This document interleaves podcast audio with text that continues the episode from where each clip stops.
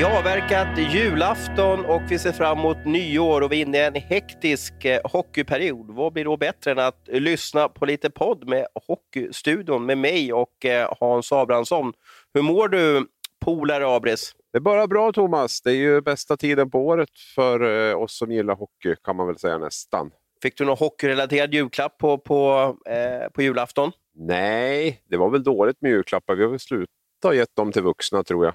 Jag fick några tallrikar i alla fall. Ja, ja vi gick all in på julklappsspelet då, så jag vet inte riktigt vad jag, vad jag vann där. Men jag, jag vann väl. tror jag vann lite knäckebröd i alla fall, så att då kan jag käka lite, lite hårt bröd framöver här.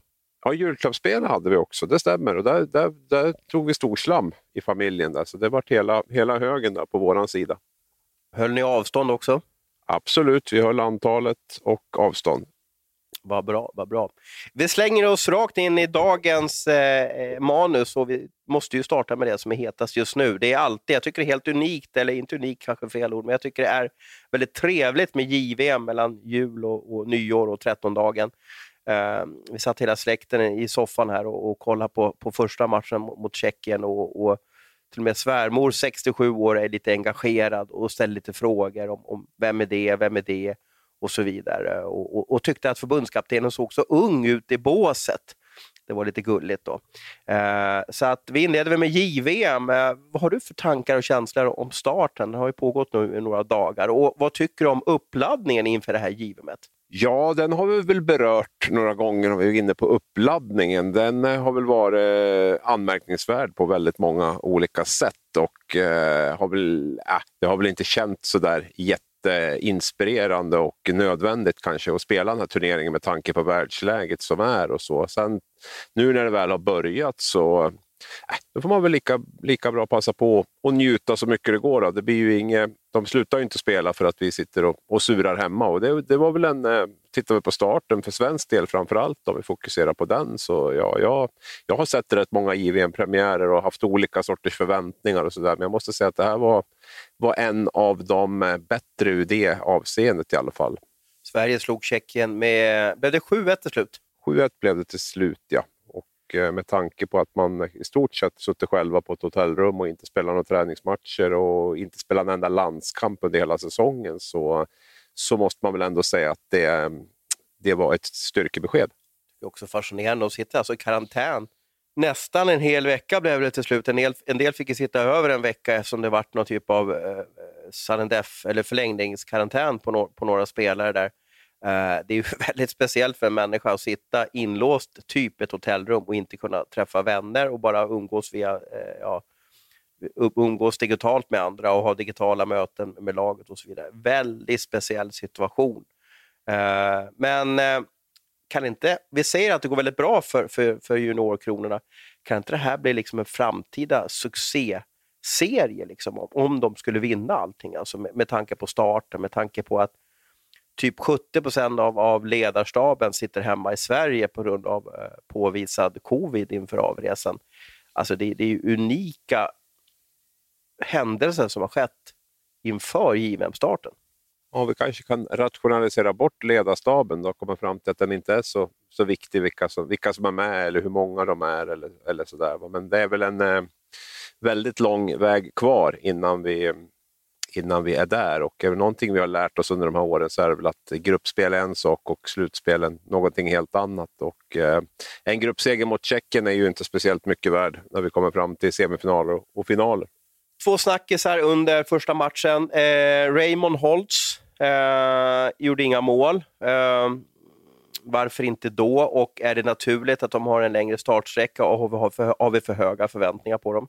Ja, det var väl en hel del av det du nämnde nu som, som stämmer. Jag tror att de, eh, för det första ska vi säga att eh, så dåligt, de gjorde inga mål. Eh, sen eh, skapar de en, en, hel del och tittar man lite grann på den underliggande statistiken så, så ligger de ju ganska högt där. Men sen kan vi väl vara överens om att jag tyckte mig se att det var en ganska hög anspänningsnivå på, på, på de två. Jag tyckte inte de släppte loss riktigt på det här sättet som vi, dels som krävs för att de ska vara bra och eh, som dels som vi har sett dem göra rätt mycket tidigare. Så att, eh, det finns mer att hämta där, men jag är inte speciellt orolig. Och, eh, den, den spetskompetens som de besitter i powerplay kommer ju att göra att de eh, kommer att få utdelning, om inte i spel 5 mot 5 så åtminstone där. Och jag tror släpp, får man bara lite utdelning så kommer också axlarna att, eh, att ramla ner lite grann. Finns det någon som är inne på att man ska sära på dem? Nej, nej, nej, absolut inte i det här läget. Utan det gäller ju bara att det, det, skapar ju ännu mera bara funderingar och bryderier. Jag vet inte vem som, vem som tänker så efter, efter första matchen när de har spelat ihop sedan han var typ 13 eller någonting på landslagsnivå. Så att, eh, nej, absolut inte. Utan det, det är ju bara att jobba vidare. Och det som var så bra den här gången var ju att när inte de gjorde det så var det ju så många andra som klev fram. Och det är väl det som har varit vårt största frågetecken eh, inför turneringen. Nu vill jag väl också lägga till det snabbt att eh, Tjeckien är en sak, Ryssland och USA är en annan sak och slutspel en tredje sak. Så att bara för att man levererar nu behöver inte betyda att man, att man gör det. Men eh, bra för självförtroendet för många spelare. Jag blev lite förtjust i Kosmar, eh, satt och jag kollade lite på hans eh, eh, bakgrund. Han har knappt producerat någonting i Linköping den här säsongen. Tycker han var jätterolig att se och pigg. Och sen har vi jätten, eller bjässen, tvåmeterspojken. Eller mannen, jag vet inte vad man ska säga. Elmer Söderblom nerifrån, eh, eh nerifrån Göteborg. Eh, vem blev du lite förtjust i? Båda de du, du nämner naturligtvis. Sen eh, tycker jag också att de här eh, säkra korten, jag tycker Hugo Alnefelt, jag blir bara mer och mer imponerad där på något sätt. För jag såg honom i förra JVM och just att man har den här det är så självklart för honom att man ska vinna och att man ska vara bäst på något sätt. Han, jag såg en intervju med honom som SVT hade gjort och där han sa det att liksom, han fattade inte det här med att liksom inte gå för att vara allra bäst. Och det, i hans fall så känner jag lite, lite grann att det, det, det, stämmer också. Han, han, är, han är en vinnare och han, han är alltid bra liksom på, på den här nivån. Han älskar att spela de här matcherna. Så det är, äh, jag, gillar, jag gillar honom. Och Filip Broberg tycker jag också, Viktor Söderström, de, de här som ska vara bra tycker jag var, var väldigt bra. Vi har ju pratat om det tidigare, men är det fortfarande medalj som du tycker är liksom skäligt att, att kräva eller ha som mål för, för den här gruppen? Jag, jag tycker semifinal är ett, ett rimligt mål att ha. Um, Sen har jag tippat brons. Vissa har ju lagt, kastat in geväret redan i, i ja, när William Eklund tackade nej. Typ. Så här, men jag har väl sagt hela tiden att jag tror att de har en bra chans att, att slåss om en medalj. Och semifinal tycker jag definitivt att vi ska ha som, som krav på det här laget. Sen tror jag internt så tror jag faktiskt att de tror fullt ut på det här. Eh, jag tror att de verkligen går för guldet. Det har ju både Broberg och Alnefelt, de två jag nämnde tidigare, gått ut och varit tydliga med. Och den här årgången är den enda som har vunnit på U18-nivå, ett VM på U18-nivå. Så för de är inte speciellt rädd för de här motståndarna som de möter nu. De vet att de kan slå dem. Sen att Kanada har ett mycket bättre lag nu än vad man hade på U18-VM, så är det. Men, men eh, för dem är det ganska naturligt att vara bäst. Mm. Jag tror vi båda satt och kollade på Kanadas match mot Tyskland och i Tyskland också som har drabbats oerhört hårt av, av covid-19. De hade typ 30 procent av laget eh, kunde inte medverka i, i den här matchen mot, eh, ja de kunde inte medverka mot Finland heller och så kunde de inte spela mot Kanada. De varit fullständigt pulveriserade eh, mot, mot Kanada. Är, är det schysst mot Tyskland att, att, att, spela en sån här match? Nej, det kan man väl tycka att det, det inte är. Eh, samtidigt så vet jag inte riktigt vad eh, alternativet är. Kunde man gjort om spelschemat? Ja, men när skulle Tyskland ha spelat sina matcher då? Skulle man ja, lite senare. Motstånd? Man skjuter på slutspelet någon dag om det har varit möjligt. Jag vet inte. Jag tycker bara att det är så fruktansvärt taskigt mot dem att gå upp mot, mot och förlora så här, men vad var det, 16-1 i slutet eller någonting. Jag tycker att det är... Jo, jag, tycker är det, det. jag tycker att inte det är schysst. Alltså, det, det bygger inte hockeyn. Det blir, världshockeyn blir inte bättre av det här. Nej, sen tycker jag att den största kritiken ska väl ändå vara mot Tyskland på något sätt. Att man ändå ska kunna hålla ihop det bättre än så där. Det såg ju inte... Jag menar, man förlorar 2-5 mot Finland och så. Det är ändå acceptabelt. Men det är klart, med det målvaktsspelet som man har i den matchen också så är det ju ja, då blir det helt omöjligt. Jag är lite förvånad att nu, vad jag förstår det som, så är väl kanske deras första val i målet en av dem som är i karantän. Men, men att det ska se ut så dåligt på den här nivån, eh, ja, det, det, det är eh, individuellt att tänka på just målvaktsspelet. Det, det är jag lite förvånad över. Och sen tycker jag väl Tyskland måste försöka spela lite mer efter sina resurser också när man, när man har så få spelare. Det kändes man...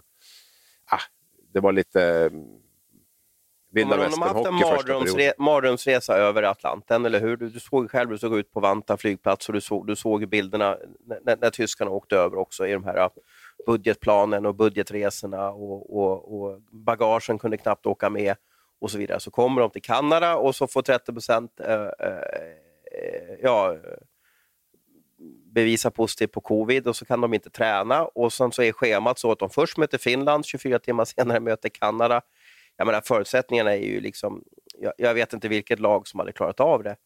Eh, och sen har man ju även också storstjärnan sitter kvar i, i i eh, ja, bästa backen spelar med, med Rögle där. Så det, det, är lite lattjo att, att de här förutsättningarna de har. För. Jag, vet, jag tycker man kunde ha liksom gjort om det lite i alla fall. Jag tycker att det är taskigt mot dem. Ja, jag, men jag vet inte hur man ska göra om det. Det är det som är lite grann problemet. För det är ju ett extremt späckat schema nu, inte minst nu när man bara spelar på en ort också. Tidigare har det ju ändå alltid varit två ställen man har spelat på. De har ju tryckt in alla matcher i, i Edmonton, då, i den här bubblan. Och det gör ju att spelschemat är ju det går inte att plugga in en match till. Man har ju strykit nedflyttningsmatcherna till och med för att man ska hinna spela klart. Så det, det är ju lätt att säga att man tycker man ska göra om, men hur ska man göra om? Det, det är nog bara att, att, att gilla läget nu när, när, turneringen ser ut som den gör. Ja, ja. Eh, halsskyddsfrågan blev intressant för juniorkronorna. Eh, många valde att spela utan halsskydd.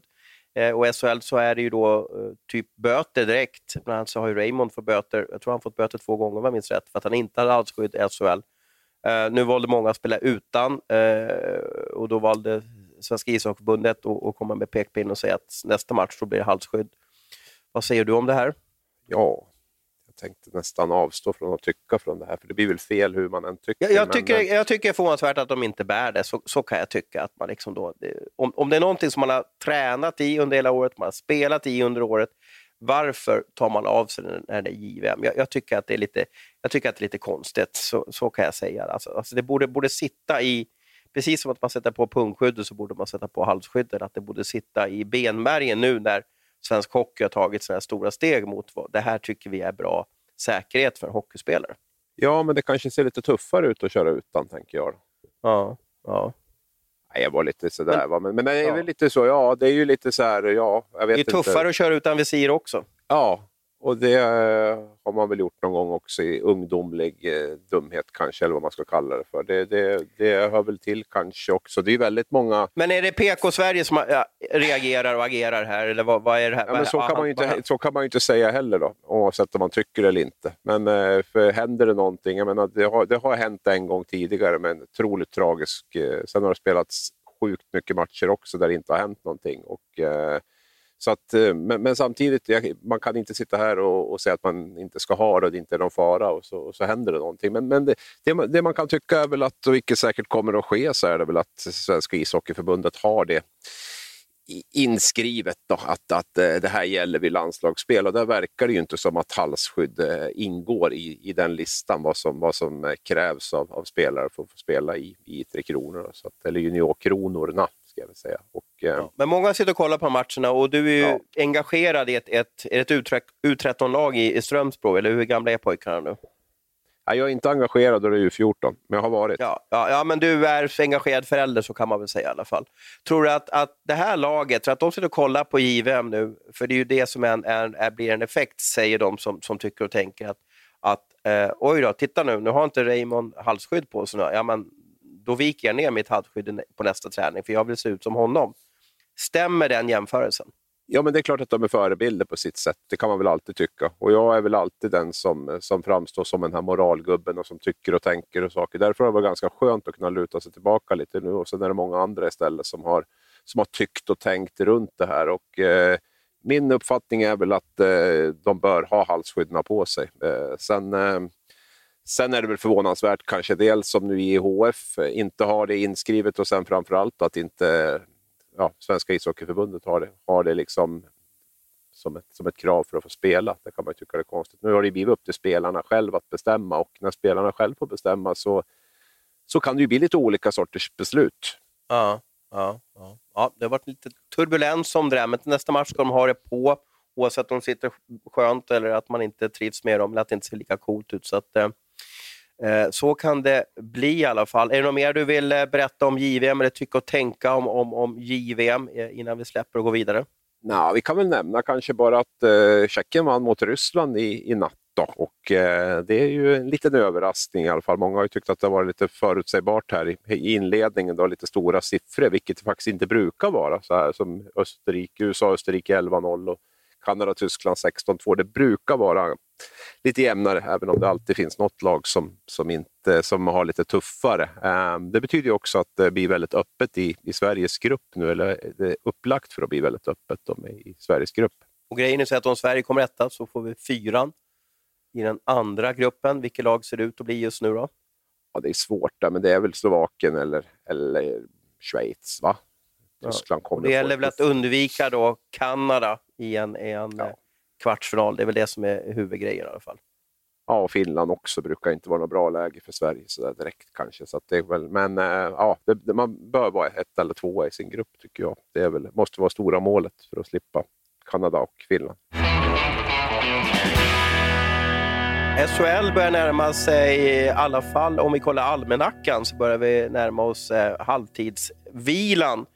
Vi ser att vi har spelat cirka 30 minuter av en 60 minuters match i SHL. Vissa lag har bara spelat 18 matcher, typ som Brynäs. Eh, förresten, vi måste stanna lite med Brynäs, Brynäs och Oskarshamn. Det är de som har härdsmälta, kan man väl kalla för. Oskarshamn har alltså 13 raka förluster och Brynäs spelar knappt. De fick till med match uppskjuten här på, på annandagen på grund av att de inte hade hunnit träna ihop sig efter, efter sin covid-smitta. Uh, du bor ju i Gävle. Va, vad sker i Brynäs IF nu om, om vi ser på att de inte spelar några matcher? Ja, jag tänkte säga, är, är, spelar de i SHL överhuvudtaget? Det känns lite grann som att de nästan inte finns med. Uh, jättesvårt tycker jag att liksom sätta in dem i något sammanhang. För att det är som du var inne på, det känns som att de knappt, knappt har spelat eller knappt har varit med. Det är så länge sedan nu som, som de spelar, så jag har nästan glömt bort att de, att de är med. Eh, de hade ju en, en seger på de elva avslutande matcherna innan de stängde ner för, för covid. Så vi kan väl vara överens om att formen inte är på topp eh, och att de är väldigt, väldigt illa ute. Nu har ju sportchef Sundlöv fått lite extra dollares i, i, i börsen. Då. Man handlar på rätt friskt inför säsongen, men nu har man väl insett att man måste handla på lite mer. Så man tog in Noel Gunler här under hösten och nu har man även plockat in två Eh, vad ska säga, SHL-meriterade amerikaner i Shane Harper, då, tidigare Örebro, och Chad Billings som eh, spelar mest i Linköping. Um, ja, så nu, nu ska man väl värva sig ur krisen då och Eh, förstärka laget eh, samtidigt. Så att, ja, det, är, eh, det är ett tufft läge och ehm, egen arena, stort underskott den här säsongen, riskerar att åka ur. Ehm, ja, det kan ju bli en fruktansvärd smäll om man nu eh, inte klarar av det här kvalet som, som man ska spela, om man nu hamnar där. Jag satt och funderade på om det kan vara bra för Brynäs att de har fått som en omstart. Det är precis som att SHL startar igen med lite nya förutsättningar man kan vaska i laget, nya kedjor, nya backpar, tänka om lite. Eh, eh, man är inte så drabbat av, av, av eh, JVM. Eh, och att, att det blir som en omstart som kan bli väldigt nyttig. Och lyckas de vinna första matchen så kanske det liksom rullar på på ett sätt. Um, det jag funderar på är att det här hektiska spelschemat de har nu, 34 matcher i typ januari, februari, mars. Det, I stort sett så kommer de spela hockey lördag, tisdag, torsdag, lördag, tisdag, torsdag. Så kommer det pågå i tre månaders tid. Du kommer inte ha så mycket tid att, att träna. Kan det gynna Brynäs om, om de kommer in en vinnande trend eller är det mission impossible? Eh, mission impossible att uh, klara sig undan kval? Eller, eller? Ja, men att, att lyckas vinna väldigt många matcher. Det vill säga liksom att alltså det, spelschemat det, det, är för tufft. Man hinner inte träna, som, som är eh, en förutsättning för att över tid behålla formen och att liksom vara skärpt, att ha, ha igång VO2 och så vidare. Uh, är mission impossible att, att, inte ha de här utrymmena för att liksom kunna träna på detaljer eller, eller få ihop vissa grejer? Att bara spela matcher och resa. Är det, är det rimligt att kunna liksom få en bra vår då? Nej, normalt sett så är det ju inte det. Jag har svårt att se hur det ska gå när man inte kan eh, träna egentligen ordentligt någon gång. Hade man legat bra i tabellen har man ju kunnat offra några matcher och liksom lagt in en tuff träningsperiod ändå. Nu är ju inte Brynäs i det läget att direkt att man kan ge bort några matcher utan eh, man, må, man måste ju försöka se till att man, att man har chans att ta poäng i, alla matcher och då, då är det tufft att, att lägga in för tuffa träningsperioder. Så att de, de, är i, de är ett jätteutsatt läge här och eh, har ju även en del problem liksom nu inför den här matchen. Omstart mot Malmö idag, då det är måndag nu när ni lyssnar på det här, eller när vi spelar in det här. Ehm, och nu Bertilsson är borta. vet inte hur länge, eventuellt en Thomas Brolin-skada, vilket innebär ett, ett, eh, ja, benbrott då, ner, ner till. Och, och på eh, träningen och, ja, åsamkas det här också? Ja, första träningen efter jul här nu. Så det är väl, ja, du vet när man är ledig och kommer tillbaka och det är lite sådär så kan det ju hända lite saker som kanske normalt sett inte händer. Man är lite ovan. Um, Billings är inte spelklar. Harper är inte på plats. Greg Scott är skadad. John Persson är skadad. Så man har ju liksom en hel femma borta i de här inledande matcherna också. Så det, det, är ju inte så att man... Det är ju inte så att de eh, har alla, alla tillgängliga heller. Det, det är, eh, nej, de, har, de har en jätteutmaning framför sig. Och det är klart att det blir en stress i det här, även om man nu har en sex matcher mindre spelat så, så, så, har man ju tabellen framför sig. Man vet ju att man måste se till att vinna de här matcherna. Men, men eh, vi får väl se. Det är ju inte... Vad var det Christer Abry sa? Det är, det är, inte bara vi som har en dålig målvakt. Så då kan man väl kanske säga likadant med Brynäs. Det är inte bara vi som är ett dåligt lag, utan det finns ju några till dåliga lag där nere. Så det är klart att eh, det, eh, vinner man lite matcher så eh, så kan man naturligtvis börja knappa in. Men det är ju ofta så att du ska ha två lag bakom det och det, det är inte så himla lätt. Och för de andra, några av de andra lagen vinner också sina matcher. Där. Att, nej, de, det är ju det de som är, om jag hade varit Sundlöv eller Peter Andersson eller vem nu som pratar mest inför laget så hade jag gett, hade jag gett tabellförbud för, för spelarna. Det vill säga att man inte får kolla på text-tv 377 eller, eller Aftonbladet.se, Sportbladet, Målservice eller eh, SHL.se. Alltså, tabellen ska man inte få kika på, för det kommer ju vara så att om Brynäs vinner två eller tre matcher, typ, så kollar de på tabellen då och så har ingenting hänt. Eh, det blir en ganska otäckt psykologisk, alltså negativ effekt på det hela. Så jag hade, jag hade gett tabellförbud till, till Brynäs ett, äh, under jan, hela januari. Ja, eller också får man visa dem snitttabellen då kanske, för den ser ju betydligt bättre ut där. Man tittar på Brynäs 0,9, HV 1,0, Malmö 1,1, Oskarshamn 1,1, Linköping 1,2. Så tittar man på den så, så inser man ju också att det, att det, det är inte omöjligt att, att göra det, även om det, det är tufft. Problemet för Brynäs del är väl att man inte har spelat bra under hösten. Det är ju det är bara att konstatera. Man måste ju få ordning på, på spelet. Det är ju inte så att man känner att oj vad de har spelat bra men inte fått med sig grejer utan det, det är ju snarare tvärtom. Att de har jättemycket att jobba med i det, i det konstruktiva spelet framför allt tycker jag, men även försvarsspel. Vi får se vad som händer om det blir fler inställda matcher, om diskussionen om att stänga SHL nedåt eh, återupptas. Då. Eh, för vi kan ju hamna i en situation där, om vi säger, leker med tanken att Brynäs får två eller tre till matcher inställda eller att det utbryter en tredje våg eller vad man ska kalla det för, att, att de andra lagen kanske kommer klara av det rent praktiskt eller teoretiskt med spelschemat, men, men Brynäs är ju precis nu på gränsen att det går. Det går alltså det, de har ingenting mer och det finns ingen andra just nu för dem rent med spelschemat. De är precis, det är maxat allting. Det ska ju vara om man eh, går ner slutspelet till, till bästa av fem matcher, någonting. Då, då, blir det, då kanske man skakar loss tio dagar, någonting då. men eh, övrigt så tycker jag att, att de, är, de är precis på gränsen vad man kan kräva av ett SHL-lag. Ja, så det går väl att stryka åttondelsfinalen om det skulle vara så. Det går att skjuta fram slutspelet i stort sett två veckor om man nu kan få till kontraktsförlängningar över första maj. För VM är ju ultrasent i år. Jag vet inte vilket datum vi kom överens om att det börjar. Men det är väl 15 där... maj tror jag att det börjar. Ja, om det inte är senare ändå. Det ska ju spelas in i juni och det är ju bara två veckor. Äh, fel, SHL kan spela till 15 maj. Så ja, länge. Så ja, du ser. Ja, och man är väl ligger kanske på första maj eller någonting nu typ med sjunde avgörande final. Så man har ju två veckor till godo där. Jag tror att man kommer att genomföra grundserien till vilket pris som helst eh, i stort sett.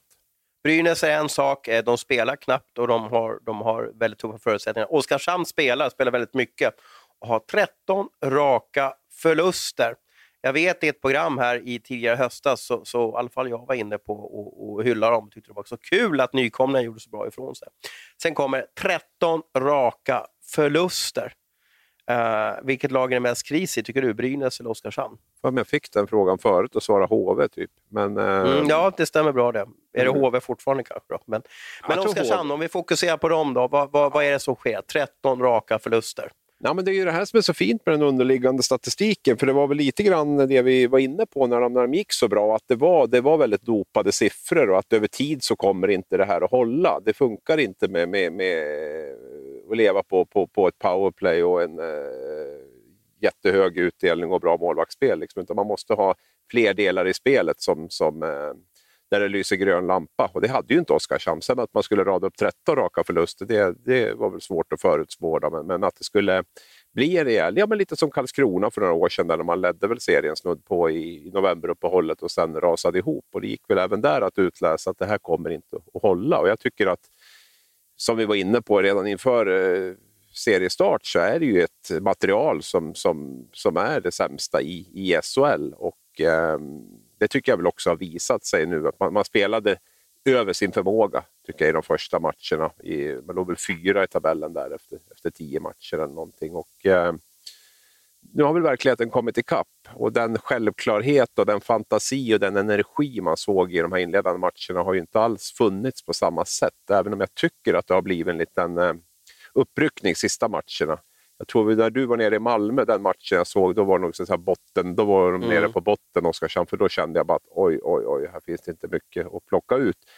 Um, sen tycker jag de sista matcherna har man ändå varit med på ett mycket bättre sätt och sett lite mera, lite mera energi i, i laget. och så Nu har man ju också förstärkt med, med två kanadensare plus att man har lånat in Nick Olesen här också. Jag misstänker väl att han ska tillbaka till Södertälje om inte Oskarshamn är beredd att betala väldigt mycket pengar. Så man har ju även förstärkt laget lite grann nu. Då. Och, eh, det, det, kan väl behövas. Nu är vi ju väldigt osäkra kort för mig, både den här Lance Boma och eh, Max ja, Veronoa, tror jag han heter.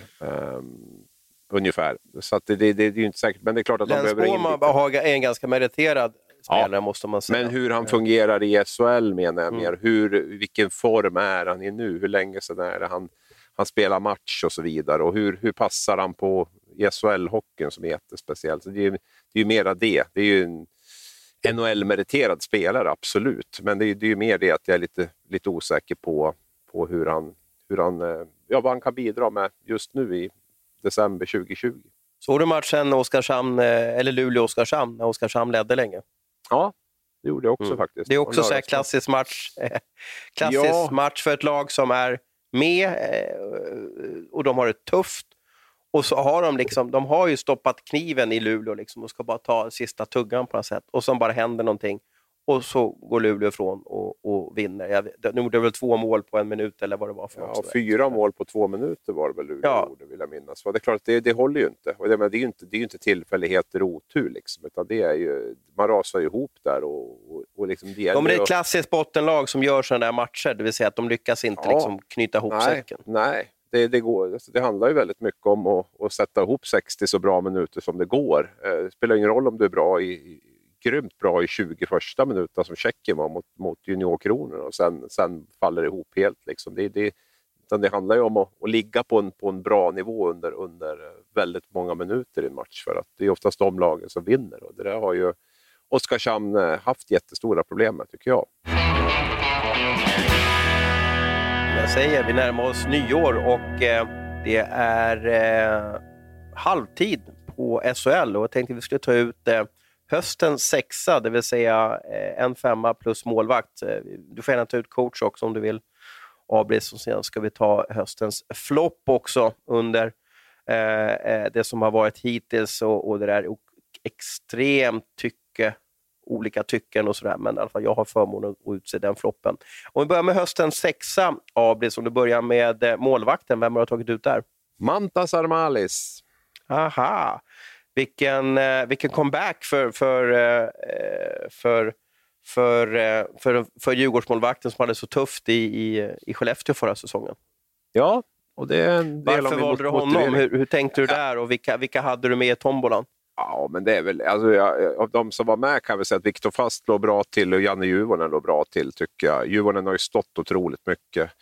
Eh, Armalis och Fast har ju kanske stått nästan bara hälften av, av det Djurgården har gjort, så det är lite svårbedömt sådär. Men eh, de, två, de tre var väl i första hand som jag valde mellan. Jag, jag tycker att Armalis, dels det du var inne på, comebacken från Skellefteå där det var en väldigt tuff period, eh, en del skadebekymmer, operationer, eh, kommer nu till Djurgården och levererar. Jag tycker, tittar man på de nio senaste han har stått så har Djurgården vunnit sju han spelade som allra bäst tycker jag den här perioden när Djurgården hade det tufft med skador, när Josef som var borta, när Axel som var borta, när Högström var borta, när eh, Mikael Haga var borta och så vidare. Djurgården, jag vet inte, vann de fyra, fem, fem raka eller någonting där då i ett läge där man nästan tänkte att oj, oj, de här spelarna borta, nu, nu kan de nog bli förankrade i botten. Och där var ju Armalis, tycker jag, den stora stora anledningen till att de, att de plockade segrar där. Och sånt väger rätt tungt för mig, att man spelar bra just i de här tuffa stunderna. För att eh, vara bra när det rullar på och laget vinner hela tiden och så där, det är en sak. Men att liksom kavla upp och, och vara matchavgörande i den typen av lägen som ja, alla lag hamnar lite grann i dem i, under en säsong. Och att vara bra då tycker jag nej, det väger tungt för mig. Sen, eh, mm. sen måste ju Fredrik Mikko jag, lyfta fram honom, målvaktstränare i Djurgården. Svedberg kom skadat gods förra året och gjorde det jättebra. Armalis kom skadat gods i år och gör det jättebra. Han, eh, han gör något bra där. Det, det är bara att konstatera. Och Djurgården vet vi, både du och jag, att det, det är inte alltid det lättaste lag att stå emot heller. De brukar kunna släppa till en hel del, hel del lägen in i farliga områden. Så det är inte bara enkelt att vara målvakter. Två backar vill jag ha av dig.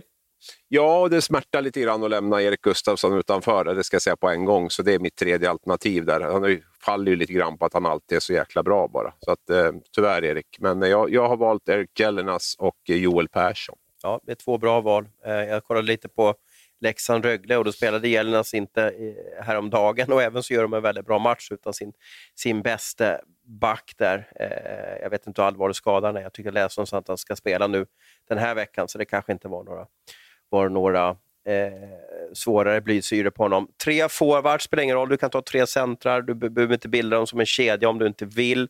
Eh, vad har du kommit fram till där? Ja, men det blev ganska fint med utspritta med ytterforwards och centrar. Emil Pettersson, Marek Rivek och Jonathan Berggren. Ja, just det. Det låter som en ganska rolig kedja faktiskt.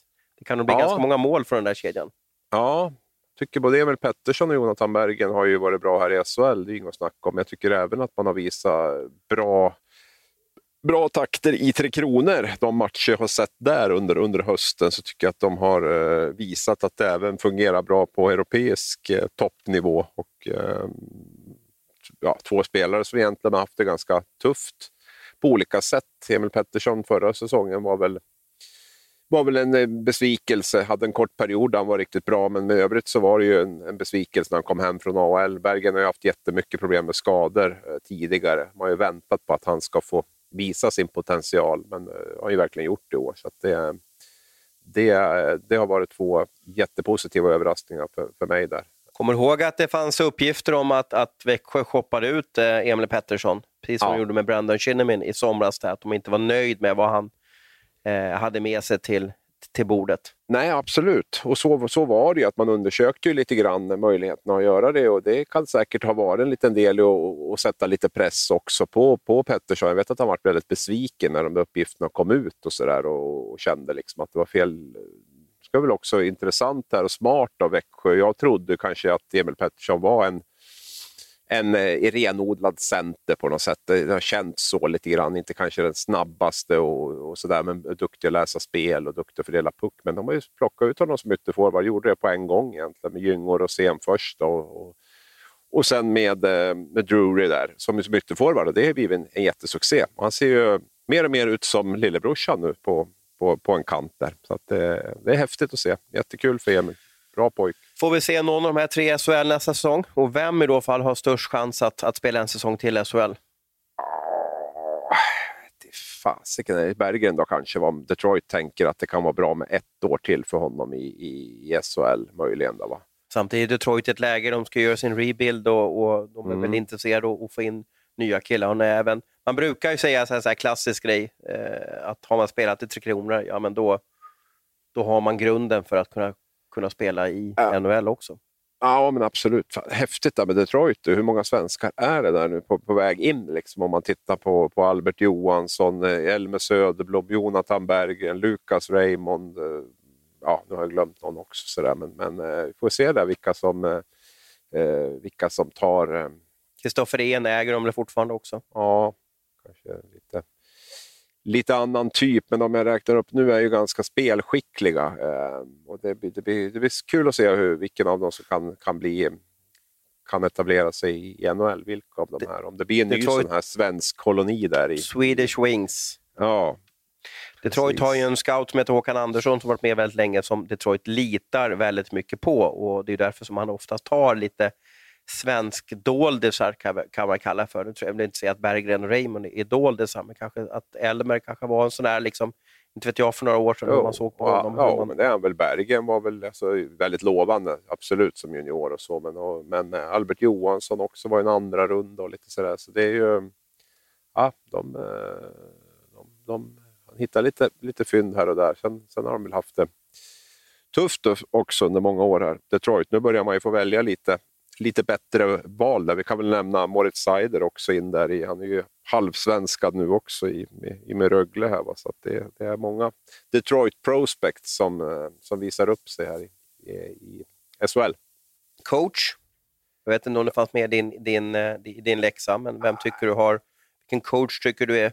Nej, men det går väl inte att gå runt Cam Abbott, tycker jag. Det, är väl, det behöver man väl inte sitta och fundera så länge på. Jag menar, jag hade tippat Rögle 4 och då tror jag var en av de som hade tippat dem högst i, i serien, om man ska vara ärlig, inför seriestart. Här. Och man pratar väl mest om hur tufft det var med Curran och Brithén och Roman Will och de tappen där. Ehm, många hade väl Rögle ner på en åttonde, nionde plats i, i tabellen. Så att det, det är ju det är bara att lyfta på, på kepan. 24 matcher, de har tre matcher mindre än Frölunda, men leder tabellen ändå. Så att det, det är the coach of the half season. Mm. Jag såg deras match i lördags här och de, de, de gör ju ingen jättematch, men de släpper ju, alltså Jag har inte sett ett lag som lyckas blocka skott så oerhört mycket.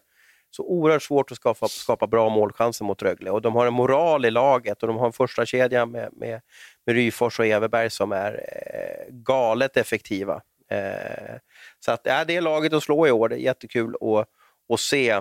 Ehm, vad var svårast med din höstens sexa eller högsta, höstens sjua? Målvaktssidan var ju lite bökig, sen tyckte jag det var tufft att lämna Erik Gustafsson utanför. För det är nog så att vore jag coach i ett SHL-lag, vilket gud förbjude, så, så hade jag nog valt Erik Gustafsson först om jag fått välja en back faktiskt. Så att, eh, den sved väl lite grann. Men eh, vi, eh, som sagt, de här två tycker jag utifrån förutsättningarna har, har imponerat ännu mer. Joel Persson, häftigt att komma tillbaka. Oftast brukar man vara lite stukad efter en kanske lite misslyckad och NHL-försök och sådär, men jag tycker att hans sätt att, att röra sig och spela och hantera pucken är ju... Ja, det är vackert. Ja, härlig femma att kunna coacha som, som, som, en, som, eh, som en coach. Uh, vi får se om den blir identisk när vi ska summera säsongen i maj eller om det blir i juni vi summerar säsongen. Det återstår att se. Eh, jag tänkte jag ska ge mig in i att utse vem som har ett årets flopp. Av någon anledning så tycker jag att eh, när jag la ihop min, min påse med spelare så får jag många utländska spelare i den här påsen. Jag vet inte om det är lättare att utse en utlänning som årets flopp eller vad det är för något, eller om det är att det är högre förväntningar på utlänningar som kommer hit eller som har varit här några år. Att man, man, man tycker att de ska leverera, att, att en utlänning ska inte sitta på läktaren eller vara usel och så vidare. Men jag valde väl till slut mellan, efter någon typ av ga första gallring eller något sådär, så valde jag mellan Kristoffer Ehn, Jakob Forsbacka Karlsson, Jonathan Sigalé, Marcus Davidsson, Tyler Måli och Otto Pajanen till slut. Eh, Sigalé har ju bytt klubb nu från, från Brynäs till Frölunda och Marcus Davidsson huserar eh, nu för tiden i Hockeyallsvenskan.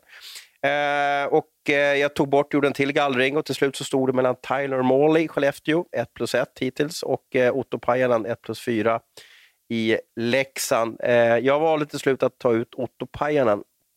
Jag tyckte att han är årets flopp på grund av förväntningarna, på grund av att han blev MVP i slutspelet i Finland. Uh, och nu kommer, uh, kommer, kommer hit SHL och har just nu så är han 13 forward utanför laget, eller i alla fall utanför de startande 12 forwards i Leksand som mönstrar tre eller fyra junior forwards per match. Det tycker jag uh, räcker för att utse årets flopp. Var det inte Otto Pajanen som jämförde med mig där inför säsongen? Jo, det, det var ju så att när man fick höra... jo, precis. precis. Alltså det, det han har problemet, Otto, eh, jag, jag, såg aldrig dig spela hockey, ska jag erkänna, men när jag pratade med Henrik Björkman och, och Håkan Södergren och vilka de är, så, så säger alla att du var en diesel, eh, dieselforward, det vill säga att du, du hade ett tempo, du kunde inte tempoväxla någonting eh, och jobbade hårt, typ sådär. Eh, och eh, Du hade en jättefin karriär, absolut ingenting om det. Eh, men det, det jag menar med Otto är att han har så oerhört svårt att ta sig förbi en spelare och, och det händer ingenting. Alltså kan du inte åka skridskor hyfsat snabbt i SHL, så har du det svårt. Du har så oerhört svårt och det, det har Otto hela tiden. Det händer ingenting när han, när han är på isen. Han är väldigt bra på att styra pucken, det måste man ge honom. Men, men för övrigt så, så är det i mina ögon en flopp. Vem tycker du är årets flopp? Jag tänkte ju vara den här eh, schyssta killen den här säsongen nu resten ut. Här. Jag ska vara the good, good cup nu resten så jag ska bara skriva positiva saker om alla hela tiden. Så jag vill inte hålla på. Nej, men, eh... men Sigale, vad gick nej, men jag, jag, jag, jag, det, det, det namn jag studsar på på din lista som jag, som jag tycker också, det är väl Tyler Morley måste jag säga, som, som ändå hade bra referenser på från, från, från Finland där och som, som ska vara en kreativ spelare som är duktig powerplay, som tycker ändå, min känsla var att den ganska så här lätt i kroppen, lätt att flytta på sig, alltså på, på isen, skulle kunna passa bra in där. i Lite Calof över honom, eller?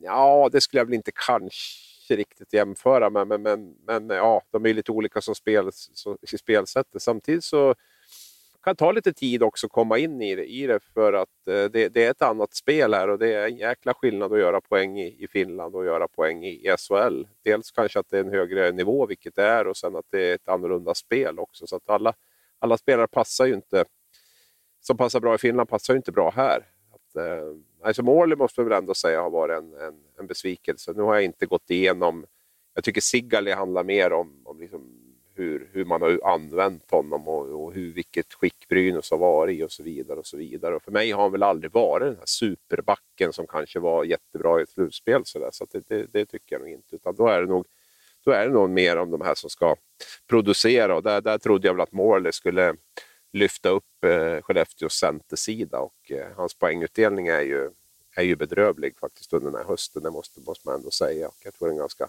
ganska frustrerad spelare också som har fått möjligheter, tycker jag ändå, i, i powerplay och så vidare. Så, där. så att, eh, där, där finns det mer att hämta. Så ska jag säga någon då så får det bli Tyler Morley. Får hoppas inte Morley lyssnar på den här podden och blir arg på mig. Den är, ja, precis. Den är stor i Irak den här podden. Vi får se hur stor den är på och i Nordamerika det har jag ingen aning om. När vi ändå håller på med SHL så måste vi prata om två lag som har gjort en rejäl eh, upplyftning senaste tiden. Eh, det är Färjestad och Malmö som jag tänker på. Eh, blir du förvånad när Malmö har, eller fel, när Färjestad har vunnit åtta de senaste tio matcherna?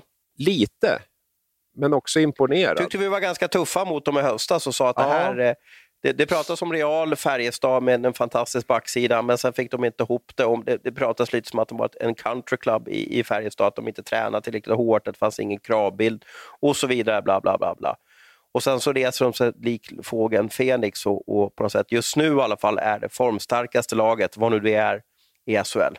Ja, det tycker jag är ett styrkebesked från, från Färjestad. Jag vet inte hur jag ska... Men alltså, tittar man på Rögle, Frölunda, Luleå så, så, förstår jag, jag ser ju tydligt varför de är framgångsrika och hur homogena de känns. Du pratar om Rögle som åker upp till Leksand och ser ja, men stabila ut, man åker upp och vinner. Liksom. Färjestad har ju inte riktigt det där fundamentet har jag upplevt. Däremot så har man ju spelat en mycket roligare ishockey så att det känns som att man har liksom Färjestad går lite mer på lina medan eh, de andra tre lagen som jag nämnde står på en jätte ja, stort fundament. Liksom, och när Färjestad som ramlar ner nu, som man gjorde i höstas, måste man ändå säga, så kände jag att ja, men det här kan bli tufft för dem. Att, jag tycker inte de har riktigt den där strukturen och den där eh, stabiliteten som de andra topplagen har. Men lik förbaskat så är man tillbaka där nu igen och man fortsätter att liksom utveckla spelare. Jakob Petersson här flyger fram, Viksten bara fortsätter där han där han eh, avslutade förra säsongen. och Så, där. så man har en förmåga att hela tiden få fram nya spelare som, som, eh,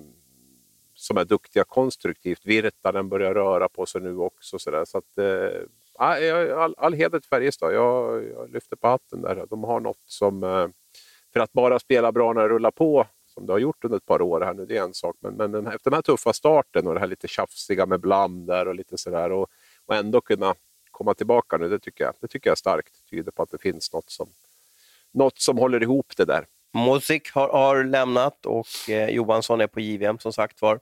Eh, senaste tio matcherna, eh, en sak sticker ut, i alla fall i den statistiken som jag kollar på. Jag vet inte hur det ser ut i den avancerade statistiken som, som du har en förkärlek till, dem, men på de senaste tio matcherna har man en powerplay-procent på nästan 45. Det är enormt bra och det har gjort att de har lyckats vinna matchen på grund av ett bra powerplay. Hur ser det ut med, med infarter och, och målchanser i, i viktiga zoner och så vidare.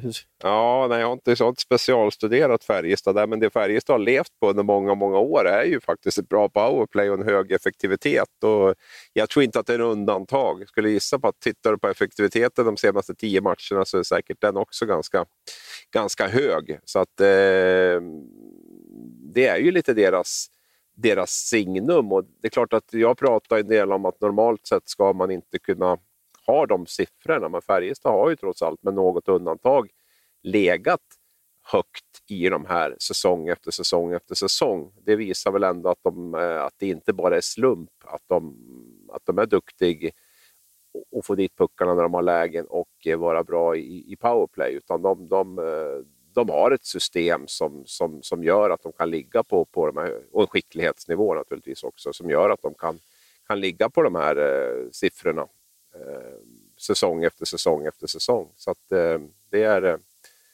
det är, eh, det är ett, en del i deras, i deras spel, det är bara att konstatera. Men när inte de här sakerna är höga så är de ju väldigt, då blir de väldigt sårbara.